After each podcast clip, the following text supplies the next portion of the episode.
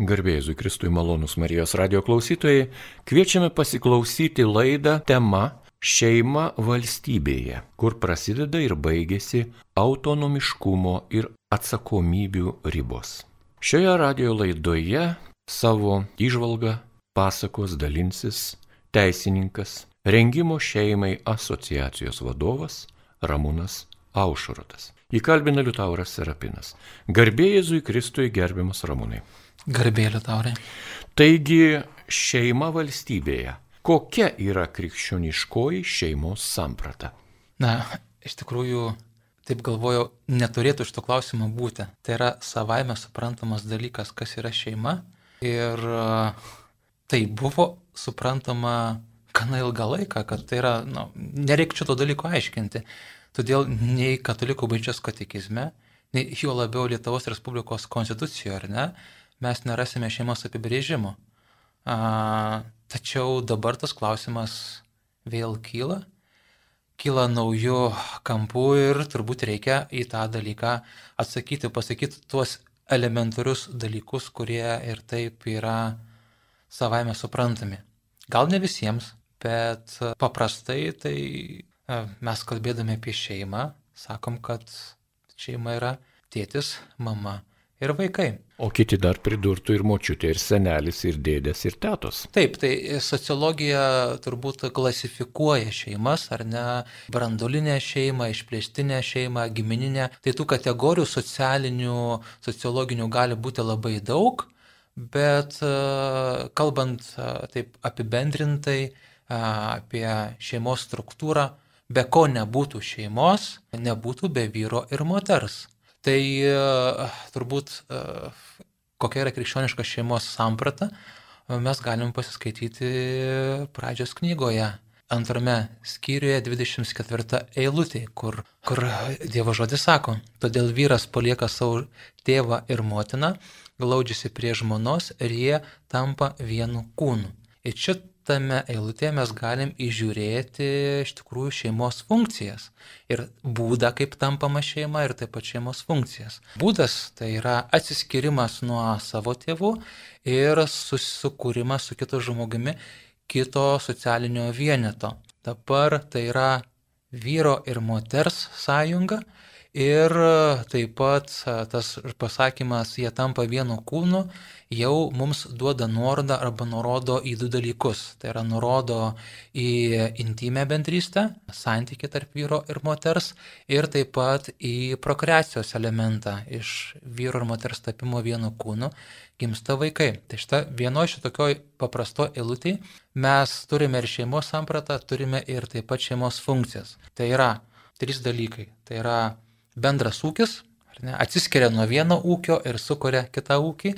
Tai yra asmenų bendrystė vyro ir moters, kurie apima meilę, meilės raišką, įskaitant ir lytinės meilės raišką, ir prokreacija vaikų susilaukimas, tapimas kūnu, tapimo kūnu pasiekme. Tai va šitos trys, trys dalykai ir apibūdina šeimos, šeimos funkcijas. Mūsų tikėjimas sako, kad amžinybėje mes neįvesim, neįtikėsim. Tai šeimos ta samprata yra šio laiko šeimos samprata, apie.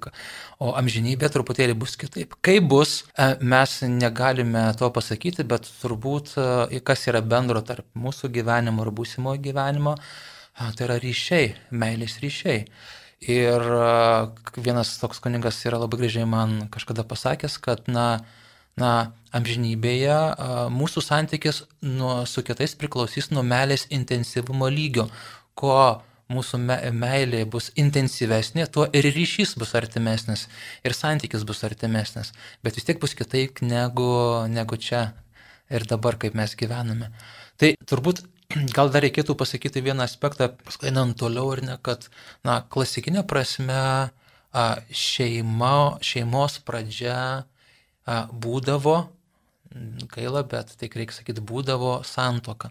Ir kadangi šeimos pradžia būdavo santoka, tai buvo labai savaime aišku, kad tarp šeimos ir santokos kažkokios skirties arba įtampos arba prieš priešos nėra. Santoka būdavo vartai šeimą. Kaip būdavo paskui toliau, tai jau yra kitas klausimas, ar ne? Nes ir tikrai to tikrovė būdavo labai įvairi, ar ne? Galbūt kažkas iš sutoktinių mirdavo, būdavo, kad ir nesusilaukia vaikų ir lieka gyventi dviese, būdavo ir tai, kad dėl įvairių priežasčių, na ir pradeda gyventi atskirai. Tai įvairių scenarijų buvo ir tada gyvenimo, bet tas ryšys tarp santokos ir šeimos buvo susijęs per tą aspektą, kad, na, viskas prasideda nuo santokos. Ir kai kalbame apie dabartinius laikus, ta problema, kuri, tas klausimas, kuris iškilo ir Lietuvoje, ir Konstituciniam teismui, kai jis aiškino šeimos sampratą, ar šeima ir sa, ar santoka, ar šeima yra tas pats ar ne. Ir ta problema, paskui atsakyti tą klausimą, būtent kilo ir dėl šitos priežasties. Jeigu mes nelaikome santokos vartais į šeimą, tada atsiveria erdvė įvairiom šeimos formom, nuo kurios, na, kurios šiek tiek išplauna pačią šeimos, šeimos ribas ir, ir patį šeimos suvokimą. Kitaip tariant, aš kalbu apie tokius socialinius reiškinius kaip kohabitacija, gyvenimas kartu nesusituokus, taip pat gyvenimas atskirai, net ne kohabituojant, bet gyvenant atskirai, o susitinkant tik pabendravimui, įskaitant ir lytinių santykių turėjimą. Netgi kalbam ir apie tai, kad yra, yra šeimų, žmonių, kurie, na, nesusituokę, sąmoningai nesusituokę, bet norėdami turėti vaikų, jie susilaukia vaikų. Tai va, tų yra startinių pozicijų dabar yra labai įvairių, tačiau klasikinė prasme šeima prasidėdavo nuo santokos. Kadangi jinai nebeprasideda, ne visada prasideda nuo santokos, mes ir turime tą tokį klausimą, kuris dažnai labai skamba, o kas, o kas yra šeima ir ar santoka tas yra vienintelis būdas šeimai sukurti. Tai klasikinė prasme tai yra taip. Na, šioje vietoje, Ramūnai, norėčiau jūs vis tiek dar gražinti prie klausimo, kuris skamba. Kokia yra krikščioniškoji šeimos samprata? Taip kartais įvyksta, kad ir krikščionis, ir nekrikščionis nori, kad krikščioniškos šeimos samprata būtų paaiškinta ir mūsų konstitucijoje. Bet konstitucija nėra krikščioniška. Ir ar konstitucija ar kokie kiti poįstatyminiai aktai, kurie nėra krikščioniški, turi apibriežti tai, kas yra krikščioniška. Na, klausimas truputėlį iš šono nuo mūsų temos, tai e, trumpai atsakydamas, ne, konstitucija yra valstybės dokumentas, valstybė gyvena ne tik krikščionis, bet turbūt e, ką bendra konstitucija apibrėžia, tai jinai apibrėžia tam tikrus antropologinius faktus. Tai šeima yra antropologinis faktas. Kad ir kokią visuomenę arba bendruomenę paimsim, ne, vyras ir moteris pradėdavo gyventi kartu, dažnai bendruomenėje tą lydėdavo tam tikros apėgos, jų palaiminimas. Ir bendruomenė paprastai suprasdavo, kad a, vyro ir moters gyvenimas kartu ir vaikų susiraukimas yra saugontinas gėris ir kad tai yra ta forma, per, per, per kurią yra, mes a, nutiesime savo patiems ateitį, ar ne? Mūsų, mūsų vaikai pratęsia mūsų, mūsų giminę. Tai konstitucija iš tikrųjų įtvirtina tą antropologinį faktą, kai rašo, kad kalba apie santoką, kai kalba apie šeimą, e, kalba apie tai, kad valstybė gina tėvystę ir motinystę, jinai kalba užtvirtina, įvardina antropologinius faktus, kur problema atsiranda, kai mes traktuojame šeimą ne kaip antropologinį faktą, bet kaip socialinį konstruktą. Ir vat tas socialinis konstruktyvizmas kad šeima yra tai, kaip aš gali būti bet kas, gali būti bet kaip konstruojama ir tada ir išplauna tas, plauna šeimos sampratą. Sakyčiau, kad uh, mūsų Lietuvos Respublikos konstitucija, jinai fiksuoja, jinai fiksuoja prigimtinę šeimos sampratą, kuri yra grindžiama vyro ir moters ryšiu ir iš to kylančiais vaikais. Tai kalb, taip saugiai kalbėti šiais laikais, ar ne, kad apsibriežti ribas, turbūt reikėtų kalbėti apie prigimtinius šeimos ryšius. Tai kad ir kokį mes, sakykime, gyvenimo scenarių dabartiniai tikrovėje turėtume, tame scenariuje pradžioje vis tiek stovi vyro ir moters ryš, ryšys. Nebus tėvystės, nebus motinystės, ne, nebus be prieš tai buvusio vyro ir moters ryšio. Dabar ar tas ryšys nusisekė ar nenusisekė, ar jis buvo trunkantis ar netrunkantis, ar jis buvo įformintas civilinės santokos ar bažnytinės santokos pavydalu, kitas yra klausimas. Prigimtinė šeimos sampratos prasme akivaizdu, kad šeima prasideda nuo vyro ir moters ryšio. Gal dar vieną aspektą turbūt reikėtų pasakyti, ar ne, kad na, klasikinė, klasikinė prasme teisė taikė šeimos teisiniam santykiam tris reikalavimus. Tai pirmiausia, monogamijos principas - vienas vyras ir viena moteris, lyčių papildomumo - vyras ir moteris, ir taip pat viešumo. Ir santoka buvo tas šeimos atsiradimo būdas, kada viešai yra išreiškiamas savo įsipareigojimas, sprendimas tą šeimą sukurti. Tai kas turbūt e, socialinė prasme nunyko, tai tas e, būtent viešo, viešumo elementas. Nebesėja mūsų visuomenė šeimos sukūrimo su e, viešu įsipareigojimu. Arba nemato tai kaip būtina sąlyga nuo to pradėti. Bet anksčiau ir vėliau vis tiek galvoja arba ketina bet turbūt labiau vertina tą, sakykime, santoką vertina ne kaip dalyką dėl visuomenės, dėl bendruomenės, bet kaip dalyką dėl jų pačių. Santoka kaip, dėl, kaip privati šventė, privatus reikalas, o ne dėl to viešo paskelbimo, kad mes esame, esame šeima. Taigi malonus radio klausytojai, jūs girdite laidą tema šeima valstybėje, kur prasideda ir kur baigėsi autonomiškumo ir atsakomybių ribos. Apie jas kalba teisininkas rengimo šeimai asociacijos vadovas Ramūnas Aušrotas.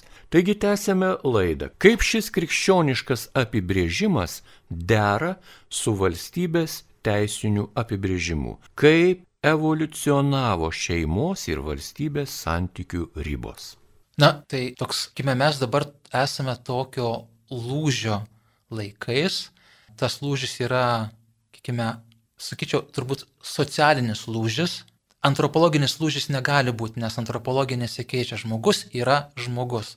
Vyras yra vyras, moteris yra moteris, šeima yra šeima. Tu gali reiškia, dekonstruoti ir vadinti kitaip, bet uh, tai bus ideologija. Tikrovė nuo to nesikeičia. Tai sakysim, mes gyvename, sakykime, socialinio lūžio tam tikrų laikotarpių. Kol kas, sakykime, kol kas krikščioniška šeimos samprata, vyras, moteris ir vaikai, jinai yra atspindima Lietuvos konstitucijos ir Lietuvos įstatymų, tačiau tam tikros jėgos siekia pakeisti šitą sampratą ir padaryti ją truputėlį, na, ne truputėlį, kardinaliai kitokią. Tai pirmiausia, jau kalbėjau apie tai, kad na, klasikinė teisinė samprata šeimos, konstitucinė teisės, konstitucinė samprata yra, kad šeima turi tam tikrus kriterijus. Tai yra monogamija, tai yra vyro ir moters lyčių tarpusavio papildomumo principas ir taip pat yra, yra viešumas. Tai mes per šitus 20-30 metų labai gerai nutrynėme to viešumo ribas ir, ir sąmonėje, ir praktikoje faktiškai atskyrėme santoką kaip tą, tuos vartus arba pagrindą šeimos sukūrimui. Ir atsirado daug gyvenimo scenarių, bet dabar yra tas etapas, kada ir vyro ir moters lyčių tarpusavio papildomumas kaip būtina sąlyga šeimai sukurti. Būtina sąlyga ta prasme, kad vyras ir moteris, jie tampa vienu, vienu kūnu, intimi bendrystė, ir vyras ir moteris iš šių bendrystės kyla vaikai. Tai toks esminis antropologinis elementas, be ko nebūtų šeima. Taigi norima šitą objektyvę tiesą, sakykime, ne tai nuneikti, bet pasakyti, kad galima, galima ir kitaip, ir netgi statymo lygmenį tą kitaip ir įteisinti. Aš kalbu apie e, vienos lyties asmenų sąjungas ir taip pat vienos lyties asmenų pretenziją susilaukti vaikų. Jūs turbūt esate girdėję ir kartais matote viešoje erdvėje tokios žinutės medinės eina. Gėjų pora susilaukė vaikų. Na, negali jie susilaukti vaikų, e, žinant, kaip, kaip tikrovėje yra susilaukiama vaikų, bet uh, žmogaus matymas, mąstymas yra programuojamas tą linkme, kad tai tarsi tai būtų galima padaryti. Tai, tai iš tikrųjų šeima, kol kas, sakykime, krikščioniška šeimos samprata ir e, valstybinė šeimos samprata kaip ir dera, nepaisant įvairių interpretacijų teisininkų arba netgi ir kosinio teismo interpretacijos, kuris ši, išplauna šeimos ribas, jinai de facto taip kaip parašyta, jinai dera, tačiau ateinantis ruduo, ateinantis metai gali būti tas laikas, kada įvyks tas toks socialinis rūžis, lūžis, kada tai, kas objektyviai nėra šeima, ta objektyvi tikrovė, bus vadinama šeima. Tas galbūt toks vienas aspektas yra svarbus to išplovimo tai yra, kaip minėjau, pasakymas, kad tam, kad kažkoks darinys būtų laikomas šeima, ar ne, pakanka socialinių, emocinių, tam tikrą laiką trunkančių, trunkančių ryšių. Bet toks apibrėžimas tinka ir tam tikrai elementariai draugystei, nes aš turiu draugą, su kuriuo galbūt draugauju 20 metų. Ir tas pats apibrėžimas tinka, tas, sakykime, pensionate kartu gyvenantiems keliems senukams, kurie vat, iki pat mirties gyvena kartu, valgo toje pačioje valgykloje, išeina į tą patį kiemą pasivaikščioti. Tas pats apibrėžimas, socialiniai, emociniai ryšiai tinka ir vienam bendrabučio bete gyvenantiems studentams. Tai tikrųjų nepakanka šeimą apibrėžti tik tuo, visgi reikia šeimą apibrėžti ir per tam tikrą jos formą, per tam tikrus struktūrinius elementus ir per tam tikras funkcijas. Visgi žmonės kuria šeimą ne šiaip savo, ne dėl pramogos ar malonumo arba neturėjimo ką veikti, anksčiau ar vėliau jie tikisi, kurdami šeimą, turėti vaikų. Tai vaikų turėjimas, tas prokreacinis elementas yra šeimos kūrimo prielaida, bet nebūtinai sąlyga. Nes žinome tas situacijas, kai vyras moteris susituokia, bet dėl tam tikrų priežasčių negali turėti vaikų. Taigi tai yra prielaida noras turėti vaikų su savo sutoktiniu, bet nesąlyga, dėl kurios, sakykime, nesusilaukus vaikų, tada mes sakytume, tai jau nebėra šeima. Ne, taip nėra. Tęsėme laidą. Taigi dar vienas klausimas. Koks šeimų turinčių mokyklinio amžiaus vaikus santykis su mokykla? Kas turėtų laikytis subordinacijos? Kaip galėtų sudėrėti šeimos ir mokyklos funkcijos vaikų ūkdymo srityje? Toks klausimas, kuris yra dabar labai aktualus. Jis aktualus ir socialinėje srityje, bet taip pat ir švietimo srityje šitas klausimas kyla. Na, iš taip paprastai pažiūrėjus, visgi mes atiduodame savo vaikus į švietimo sistemą.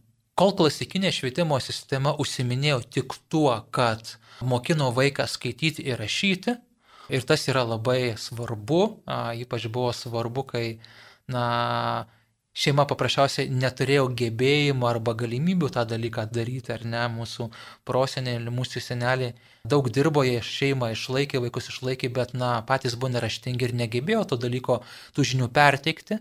Tai tas švietimo, valstybinės švietimo sistemos susiformavimas, kuris form, švietimo sistema valstybinė formavosi visgi ant krikščioniško, katalikiško paveldo, ant parapinių mokyklų. Tai tą funkciją valstybė prisėmė išmokyti vaikus skaityti ir rašyti, suteikti jiems žinių. Ir tas bendradarbiavimas buvo svarbus ir reikalingas. To, ko negalėjo padaryti tėvai, tą galėjo daryti, duoti valstybinė švietimo sistema. Tačiau dabar gyvenama tuo laiku, kad kadangi švietimo sistema šiek tiek plečia savo ribas. Jis ne tik suteikia žinių, matematinių žinių, lietuvų kalbos rašybos žinių, bet kartu švietimo sistema ir perdoda tam tikras vertybės, arba bent jau siekia tam tikras vertybės perduoti ir formuoti vaikuose. Ir va čia tada, jeigu pradeda išsiskirti tėvų puoselimos, puoselimos vertybės, ir valstybės suvokimas apie tai, kokias vertybės reikia vaikams perteikti, gali atsirasti įtampa ir gali atsirasti konfliktų. Ir turbūt du dalykai, kurie, kuriuose, kuriuose vietose čia iškyla konfliktas.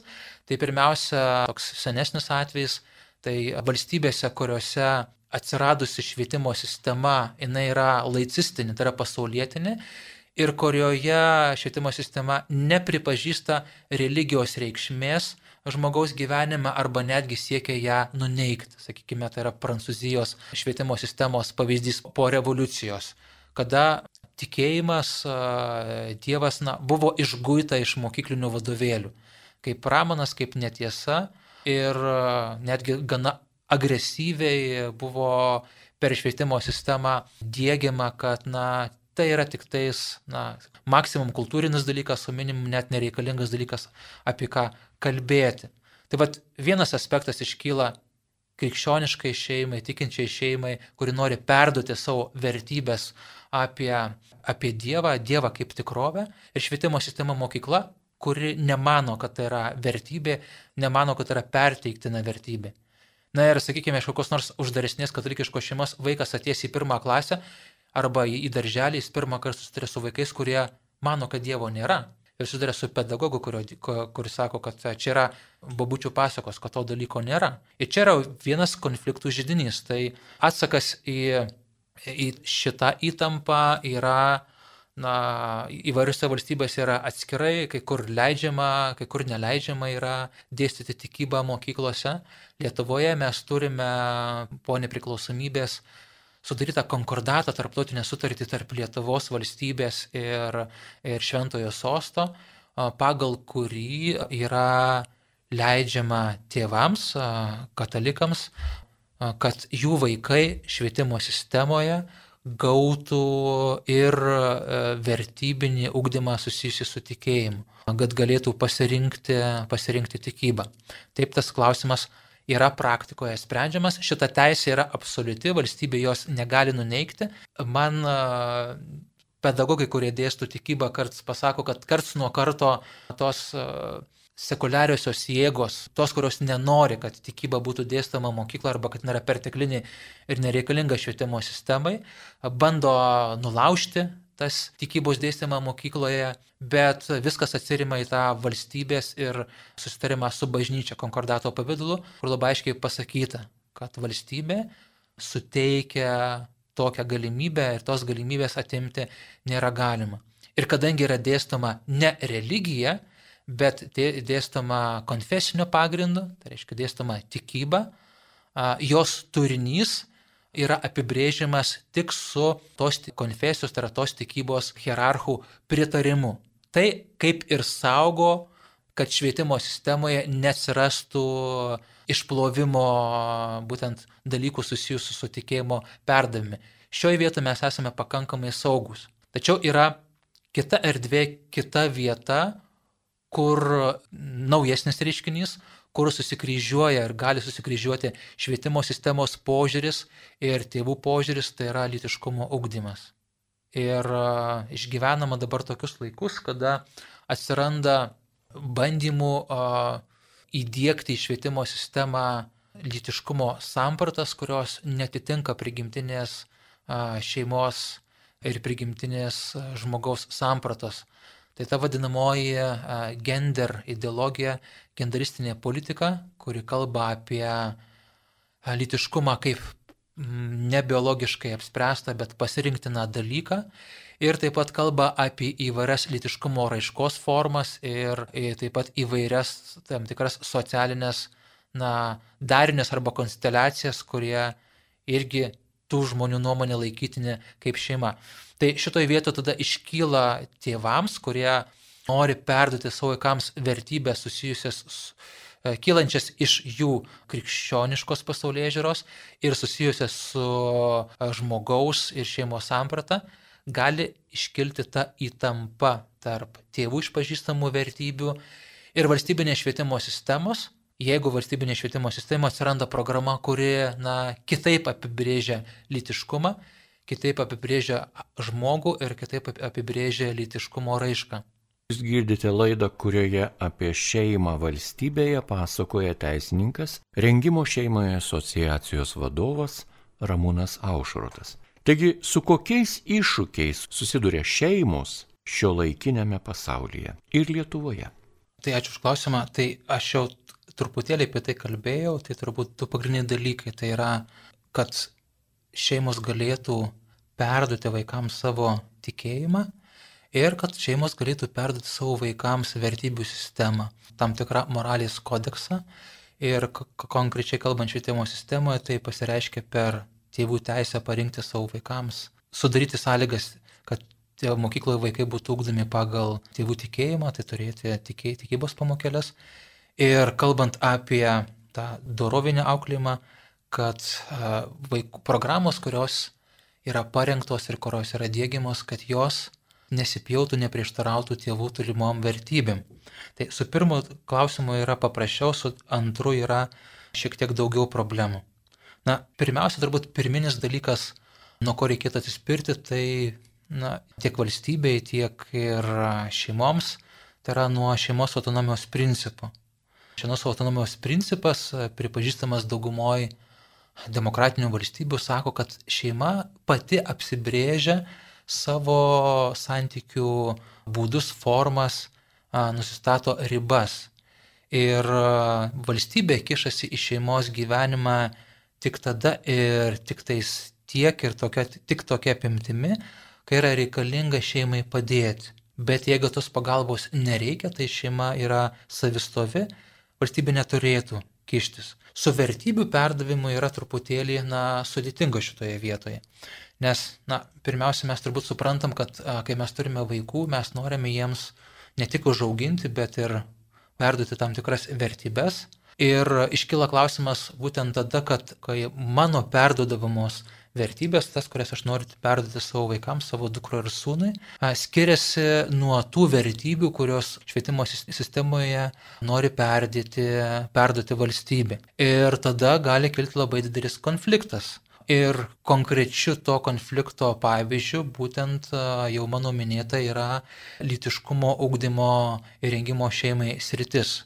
Sakykime, prieš kelis metus Junktinėje karalystėje, Anglijoje ir Velse prieimus vienos lyties partnerysčio po to santokos, santokos įstatymą ir atsiradus vat, kitokiams socialiniams dariniams, kitokiams šeimoms formui, švietimo sistemoje atsirado pokyčiai ir rengimo šeimai programuose. Ir buvo numatyta mokyklose dėstyti apie įvairias šeimos sampratas. Ir tada automatiškai kilo konfliktas tarp švietimo ministerijos ir a, tėvų, a, tėvų, kurie priklausė krikščioniškai bendruomeniai ir tėvų, kurie priklausė musulmoniškai bendruomeniai, nes jie turi kitą supratimą apie šeimą ir kitą supratimą apie tai, kokias vertybės reikia perduoti. Ir tas konfliktas privedė iki teisminių procesų, kol galiausiai Junktinės karalystės teismas pasakė, kadangi visgi vaikai yra na, patikėti aukti, vaikai yra patikėti auginti tėvams, taigi tėvai turi ir žinoti, kas bus, ko jie bus mokoma mokykloje ir taip pat su jais turi būti bendradarbiaujama dėl to turinio na, nustatymo ir to turinio įgyvendinimo. Tokiu būdu ta problema buvo išspręsta ir dabar Junktinėje karalystėje, sakykime, yra tokios bendros gairės lytiškumo rengimo šeimai programoje, tačiau mokyklos lygmenyje, mokyklos bendruomenė, tai yra tėvai ir, ir mokykla susitarė, kaip ta programa yra įgyvendita. Tai turbūt atsakymas į tą klausimą, kaip, kaip kaip spręsti tą, tą problemą šio laikiniais laikais. Neturėtume mes būti naivus ir tikėtis, kad vat, valstybė ims ir ugdys mūsų vaikus pagal mūsų vertybės, bet e, galim tikėtis to, kad valstybė leis bendradarbiauti su ją ir e, kartu nustatyti, sakykime, tas ribas, apie ką ir kiek mes mokykloje kalbame vaikams, kad tai, ką mokyk, kas yra mokykloje pateikiama, na, nepjautų, nekirstų per šeimos puoselėjimas vertybės ir galiausiai kaip tokį garantą tėvų teisę atsisakyti ar neleisti vaikų į tas pamokas, kurios, na, netitinka tėvų išpažįstamų įsitikinimų. Ir tokią teisę beje numato mums ir Lietuvos Respublikos konstitucija. Kol kas, sakykime, Lietuvoje situacija yra tokia, kad Lietuvoje galiojanti lytiškumo ugdymo rengimo šeimai programa, jinai buvo suderinta su tėvų bendruomenė, tėvai buvo kaip socialiniai partneriai, taigi buvo turinys padarytas toksai, kad jis atspindėtų ir, ir tėvų įsitikinimus. Su gyvendinimu yra problema, tačiau dabar išgyvename naują etapą, kada yra naujai atnaujinama šita programa ir jos turinys dar neaišku yra, bus koksai. Ir tikrai potencialiai, jeigu valstybė nesižvelgs į tėvų pagėdavimus, į tėvų lūkesčius, na, nebendradarbiaus nustatant to ugdymo turinį, tai tada yra užprogramuotas konfliktas. Tai scenarius matau iš tikrųjų du. Tai vienas dalykas tada švietimo sistemai arba atsitraukti ir sakyti, tai yra tik tėvų, moralės rytis, dorovės rytis yra tik tėvų reikalas, mes mokykloje tik tais mokome, o šitos dalykus paliekame, paliekame tėvams. Arba kitas būdas yra bendradarbiauti ir siekti tam tikro kompromiso, ir kalbėti apie tam tikrą, na, minimumą, moralės minimumą, dėl ko sutarė valstybinės švietimo sistemos atstovai ir tėvai ir tuos dalykus perteikti. O tai, kas, kur nuomonės įsiskiria, tarkime, į lytiškumą, į žmogaus sampratą, tai kaip reikėtų lytinį gyvenimą gyventi ar ne, tai tą dalyką tada palikti jau uh, tėvų valiai, kad tėvai pagal savo įsitikinimus uh, savo vaikams tos dalykus ir dėktų. Na ir laidos paskutinis klausimas. Kiek valstybė turi paisyti šeimų, konfesinių poreikių ir vaikų ūkdymo įstaigose net? Dažnai politikai pabrėžia, kad bažnyčia yra atskirta nuo valstybės. Kaip iš tikrųjų? Ir ar atskirumas leidžia valstybei dominuoti ir nepaisyti šeimų poreikių, ypač tikėjimo perdavimo jaunai kartai? Jau truputį apie tai kalbėjau, tai tik turbūt dar kelis akcentus uždėsiu, kad tas valstybės ir bažnyčios atskirumo principas, neatskirimo, bet atskirumo principas, atskirumo principas, jisai sako, kad tiek bažnyčia, tiek valstybė dalykus sprendžia savarankiškai ir dėl bendrojo gėrio bendradarbiauja tarpusavyje. Ir švietimo sistema irgi yra ta vieta, kurioje valstybė ir bažnyčia dėl bendrojo gėrio, dėl vaikų ateities, dėl vaikų tapimo savarankišką asmenybę, dėl jo išugdymo pilnaverčių žmogumi, lygiai taip pat privalo bendradarbiauti. Ir tas valstybės ir bažnyčios atskirumo principas jis kartu nusako ir abiejų pusių lygiai teisiškumą. Negali būti valstybė aukščiau ir negali būti taip pat ir bažnyčia aukščiau negu valstybė. Ir todėl tai yra tam tikras turbūt paritetas. Atsakymas į klausimą būtų bendradarbiavimas. Viena ir kita pusė turi bendradarbiauti. Lygiai taip pat uh, tokiu pačiu principu dera konstruoti ir santyki tarp tėvų, tikinčių tėvų ir, ir švietimo sistemos bendradarbiavimo principų. Malonus Marijos radio klausytojai, jūs girdėjote laidą, kurioje apie šeimą valstybėje pasakojo Ramūnas Aušrotas, teisininkas, rengimo šeimai asociacijos vadovas. Klausimus jam uždavė Liutauras Sarapinas. Likite su Marijos radiju.